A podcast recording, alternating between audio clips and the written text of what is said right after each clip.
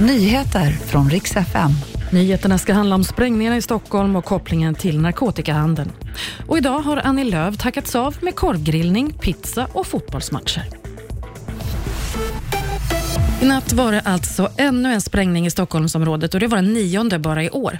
Igår sprängdes en restaurang på Södermalm, idag ett kontorshotell i Kista. Och enligt Aftonbladets källor så ska måltavlan för det här vara en man som har ledande, ledande i narkotikahandeln.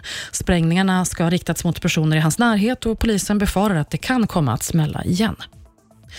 Och så en liten varning, för isarna är tunna och osäkra på många platser, framförallt i Mellansverige. Det här skriver Issäkerhetsrådet.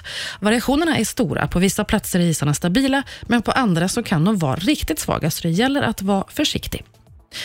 Och idag så har det hållits avtackning i riksdagen. Dagens partiledardebatt det var den allra sista för den avgående Centerledaren Annie Lööf.